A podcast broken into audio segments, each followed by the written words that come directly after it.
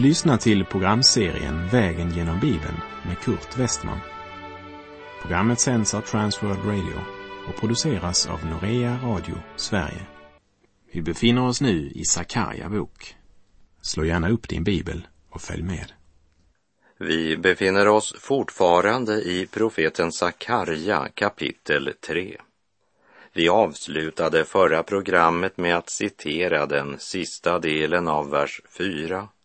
Se, jag har nu tagit din missgärning från dig och jag skall klä dig i högtidskläder.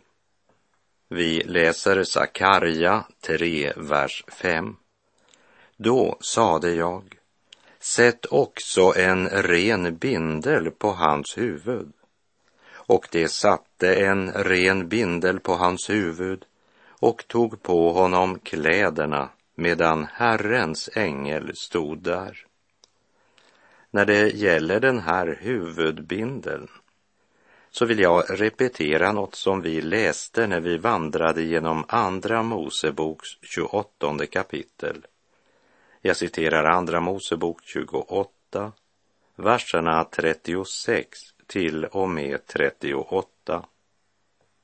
Du skall också göra en skinande platt platta av rent guld och på den skall du ingravera som på ett sigill, helgad åt Herren. Du ska fästa den med ett mörkblått snöre och den skall sitta på turbanen, på framsidan av turbanen. Den ska sitta på Arons panna och Aron ska bära den skuld som häftar vid det heliga offer som Israels barn bär fram, alla deras heliga gåvor. Den ska ständigt sitta på hans panna, så Herren kan ta emot dem med glädje. Efter Herrens befallning så skulle alltså överste prästen bära en platta av rent guld som skulle sitta på framsidan av huvudbindeln. Guldet som symboliserar det gudomliga, det fullkomliga, måste täcka vår tanke, täcka motiven för våra handlingar. Och genom denna guldplatta så försonas den missgärning som vidlåder de heliga gåvor Israels barn bär fram. Efter Sakarja bön så får även Josua denna turban med en guldplatta på vilken det står helgad åt Herren. Och efter att Josua mottagit den kan Gud nu använda honom i sin tjänst så som han senare ska använda nationen Israel i sin tjänst. Gud täcker också våra tankar med den gärning han själv utfört. Och det är nödvändigt, ty inifrån, från människans hjärta utgår onda tankar, säger Jesus i Markus 7.21. Också vår tjänst för Gud och våra heliga gåvor är smittade av synden. Det vill säga gåvan blir aldrig så ren och fullkomlig som Gud kräver. Men genom texten som var ingraverad på guldplattan som överste prästen bar på sin panna blir dessa gåvor till Guds välbehag. Också idag blir vår ofullkomliga gärning välbehaglig för Gud genom vår fullkomlige överste präst Jesus Kristus. Som Jesus själv säger i Johannes 17, vers 19. Och jag helgar mig till ett offer för dem, för att också de ska bli i sanning helgade.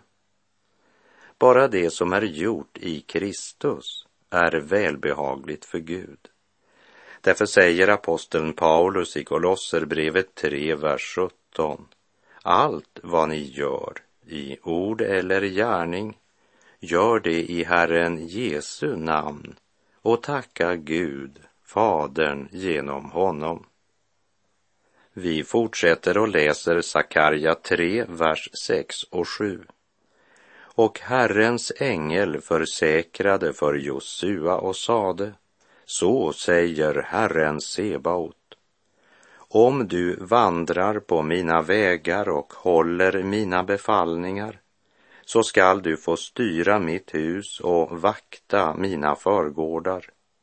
Du skall få en plats att vandra på bland dem som står här. Josua hade orena kläder. Men Gud har ett försoningsmedel som förlossar och renar. Därmed kan Gud skänka honom sin nåd och barmhärtighet. Nu är Josua renad och upprättad. Men Gud säger, om du skall tjäna mig måste du vandra i ljuset. Vandra på mina vägar och hålla mina befallningar. Det är syndernas förlåtelse du har fått, inte syndernas tillåtelse. Lev i ljuset och du ska få vakta mina förgårdar. Det budskapet gäller inte bara Josua utan hela nationen. Och han säger detsamma till dig och mig som lever idag. Jesus uttrycker det så här i Johannes 14, vers 15. Om ni älskar mig håller ni fast vid mina bud. Det verkar finnas en del människor som tror att eh, om de är frälsta av nåd så kan de leva som de själva vill. Men det är så inkonsekvent som det kan bli. Om du lever så som du själv vill så är du möjligen religiös, men du är inte frälst av nåd. För om du har erfarit frälsningens under i ditt liv och lever i nåden, så älskar du honom som dog för att frälsa dig. Om du verkligen genom tron mottagit Kristus och av hjärtat litar på honom som säger om du älskar mig håller du fast vid mina bud så kommer du också att handla därefter. Den som kommit in i trons vila önskar av hjärtat att lyda honom och leva i Guds fruktan och helgelse. Och så stämmer du in i sången tillsammans med alla pånyttfödda. Böjd invid korset där Jesus stod, jag under tårar om renhet bad, Bördan som tyngde han på sig tog, ära ske hans namn. Underbar frälsning från synd jag fann, frihet från allt som mig fjättrat har. Fruktan som plågat min själ försvann, ära ske hans namn. Kom till den källan som synd avtvår, mäktig att rena den än går fram. Jesus bevara från synd förmår, ära ske hans namn.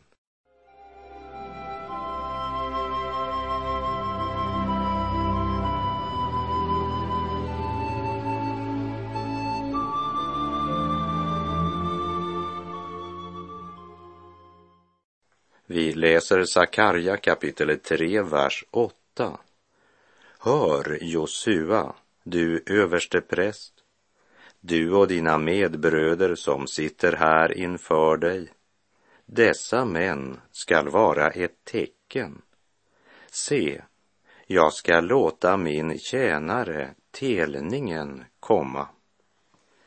Telningen är ett välkänt uttryck för Messias, frälsaren. Jesaja använde det uttrycket när han talade om Messias första ankomst som frälsare. Jag citerar Jesaja 11, vers 1. Men ett skott skall skjuta upp ur Isais avhuggna stam, en telning från hans rötter skall bära frukt. Och Jeremia använder ordet telning när han talar om Kristus, när han skall komma åter som kung för att upprätta sitt rike. Jag citerar Jeremia 23, vers 5 och 6. Se, dagar skall komma, säger Herren, då jag ska låta en rättfärdig telning växa upp åt David. Han skall regera som kung och handla med vishet. Han skall utöva rätt och rättfärdighet i landet. I hans dagar skall Juda bli frälst och Israel bo i trygghet. Och detta ska vara det namn man skall ge honom, Herren, vår rättfärdighet. I den syn Sakarja ser hör han Herren uppmana överste prästen Josua att lyssna till det budskap som är så viktigt för var och en som ska göra tjänst inför Herren. Hör, Josua, du överste präst, du och dina medbröder som sitter här inför dig. Och vad är det så för budskap Herren ger dem? Vi läser vers 9. Se den sten som jag har lagt inför Josua. Över denna enda sten vakar sju ögon. Och se, jag skall gravera in en inskrift på den, säger Herren Sebaot. Och jag skall utplåna detta lands missgärning på en enda dag. Telningen är alltså stenen stenen som Daniel såg i sin syn av statyn som bestod av fyra delar, som var av guld, silver, koppar, järn och fötterna delvis av järn och delvis av lera.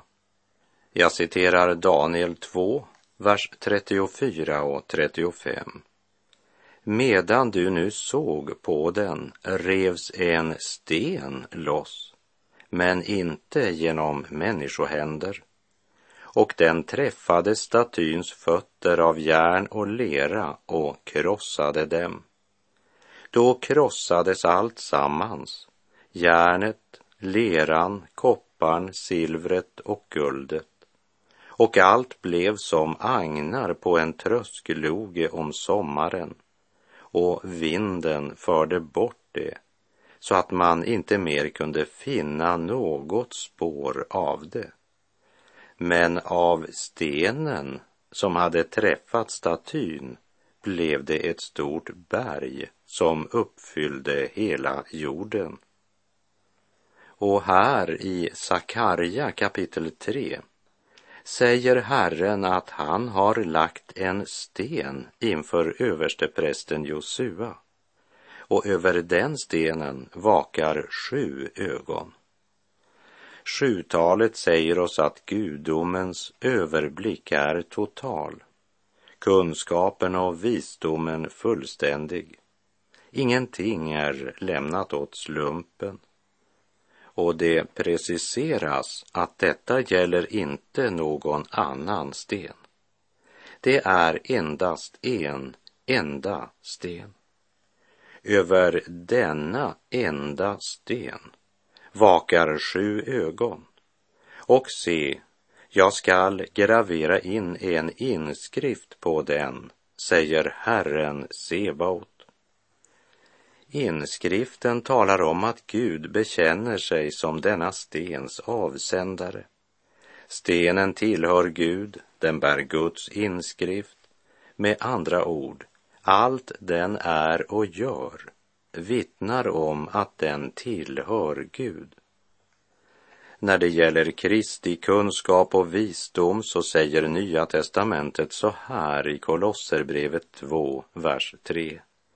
I honom är visheten och kunskapens alla skatter gömda. Och i Första Korinthierbrevet 1, vers 30 och 31 honom har ni att tacka för att ni är i Kristus Jesus, som Gud för oss har gjort till vishet, rättfärdighet, helgelse och återlösning för att det skall ske som står skrivet. Den som berömmer sig skall berömma sig av Herren. Genom profeten Sakarja talar Herren om den enda stenen. Här går mina tankar till Apostlagärningarna 4.12. Hos ingen annan finns frälsningen. Inte heller finns det under himlen något annat namn som givits åt människor genom vilket vi blir frälsta. Och vad blir så resultatet av att Gud lägger denna sten inför Josua, som representerar hela folket? Jo, att Herren ska utplåna landets hela missgärning på en enda dag. Och att Herren lägger stenen inför Josua är också Guds bekräftelse på att Josua var den tjänare Gud utvalt.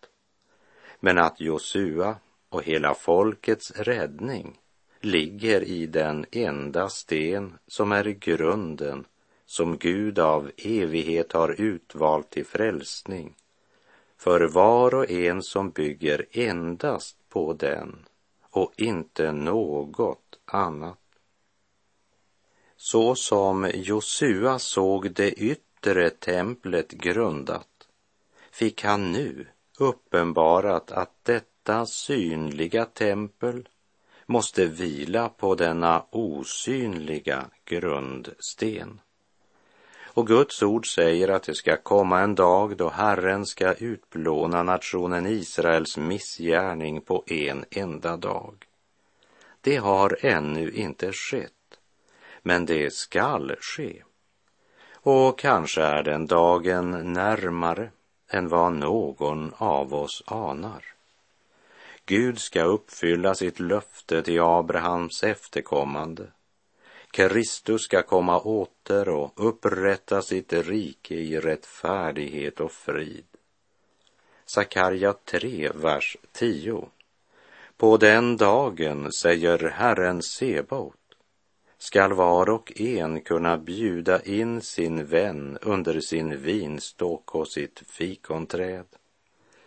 Ja, det är ju inte precis det som är situationen i Israel idag. Men den dagen skall komma, det kan du lita på.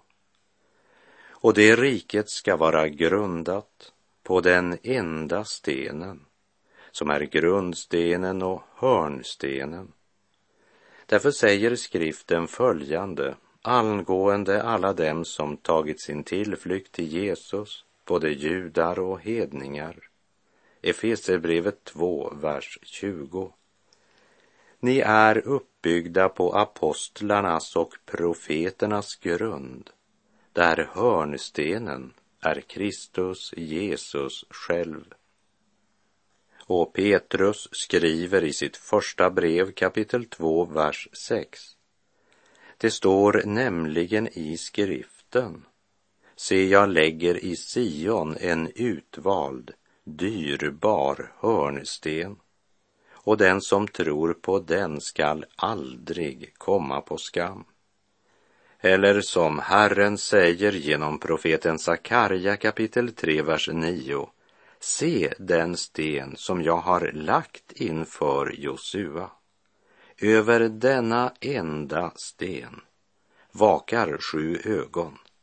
Och se, jag skall gravera in en inskrift på den, säger Herren Sebaot och jag ska utplåna detta lands missgärning på en enda dag.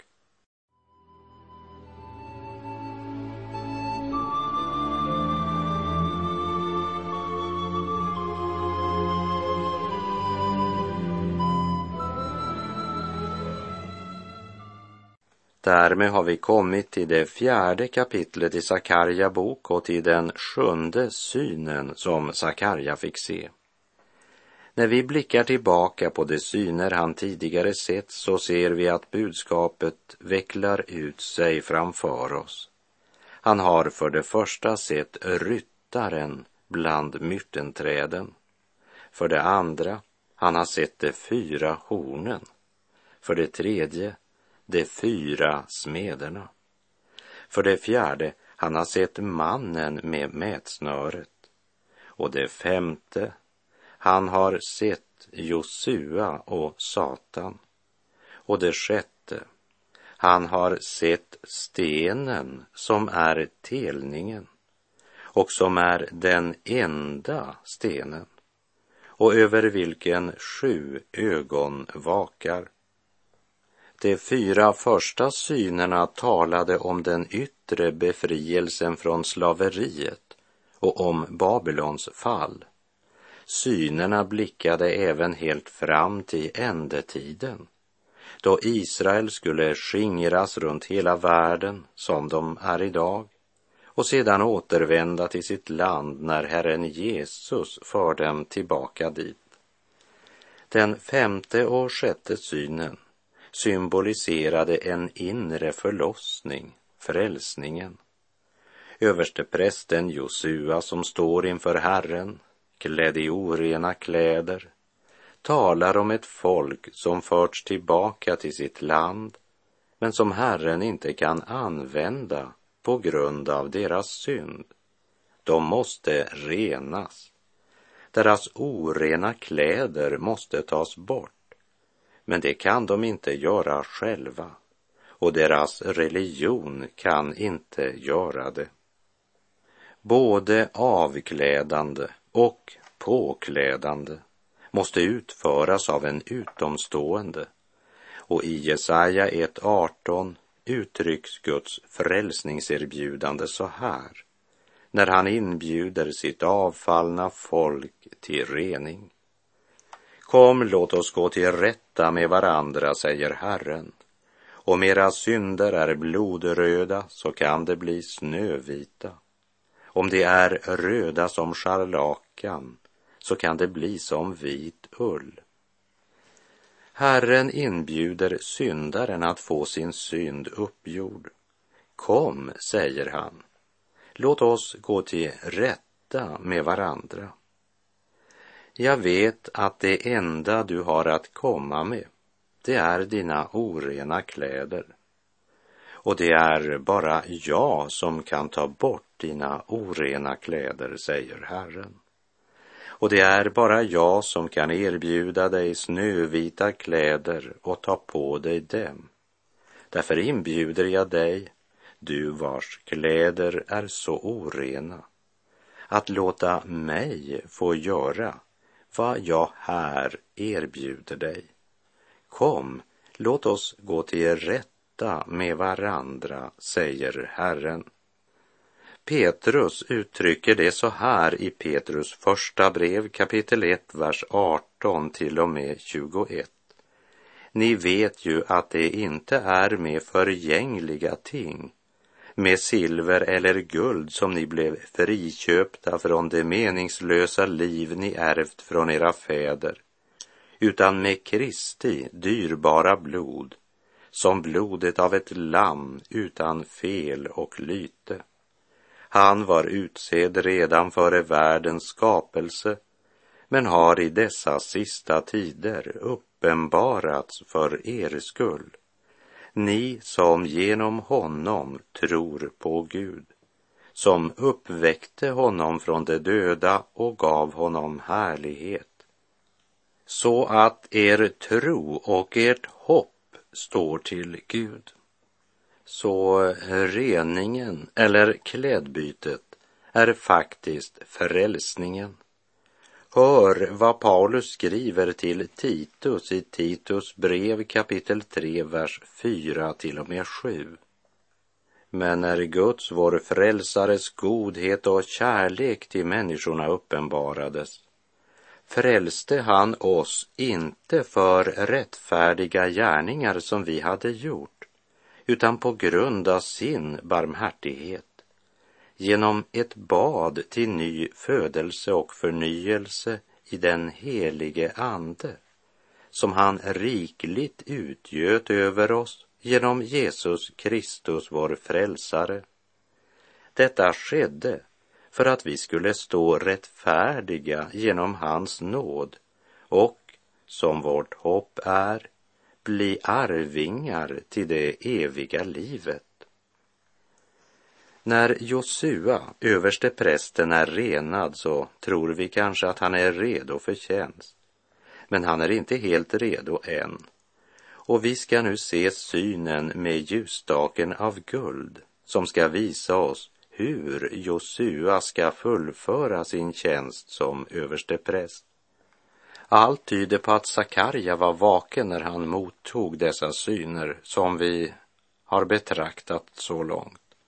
Och när vi nu kommer till sjätte synen ska vi lägga märke till i kapitel 4, vers 1, att det står inte att Sakarja blev väckt ur sömnen. Det står att han blev väckt som när någon väcks ur sömnen. Det vill säga, han förs in i ett helt nytt sinnestillstånd. Han har inga jordiska referensramar för det han nu upplever. Det närmaste han kan komma det är skillnaden mellan vaket tillstånd och sovande. Vers 1 kapitel 4. Ängeln som talade med mig kom tillbaka och han väckte mig som när någon väcks ur sömnen. Herrens ängel ger Sakarja ett vidrörande där hans själ lyfts till en andlig dimension som det inte finns några jordiska ord och uttryck som kan beskriva vad han erfar. Det han nu erfar, det är så annorlunda från allt vad han tidigare erfarit och sett. Han förs in i en andlig klarhet som är lika klargörande som att vakna upp från en dröm. Lägg märke till att han säger inte, han väckte mig ur sömnen, men som när någon väcks ur sömnen. Här går mina tankar till det Paulus skrev i Romarbrevet 6.19 när han med olika mänskliga bilder talar om förlossningen i Kristus. Där säger han bland annat, för er mänskliga svaghets skull använder jag en så enkel bild. Sakarja lyfts och styrks av ängeln för att kunna motta den uppenbarelse som han nu återger här i Sakarja kapitel 4.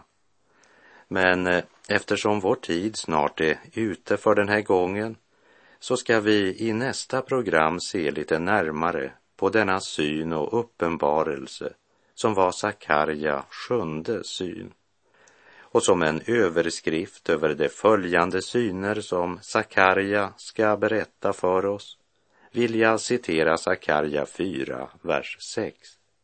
Inte genom styrka, inte genom kraft, men genom min ande, säger Herren Sebaot.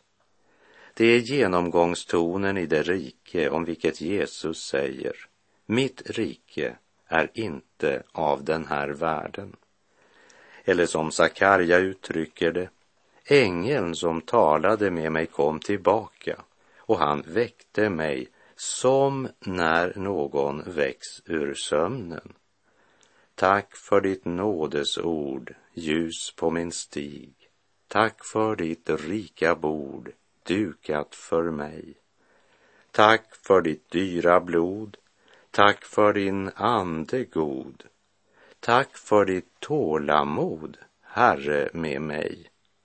Herren vare med dig, må hans välsignelse vila över dig. Gud är god. Du har lyssnat till programserien Vägen genom Bibeln med Kurt Westman som sänds av Transworld Radio. Programserien är producerad av Norea Radio Sverige. Om du önskar mer information om vårt radiomissionsarbete så skriv till Norea Radio Sverige, box 3419 103 68 Stockholm.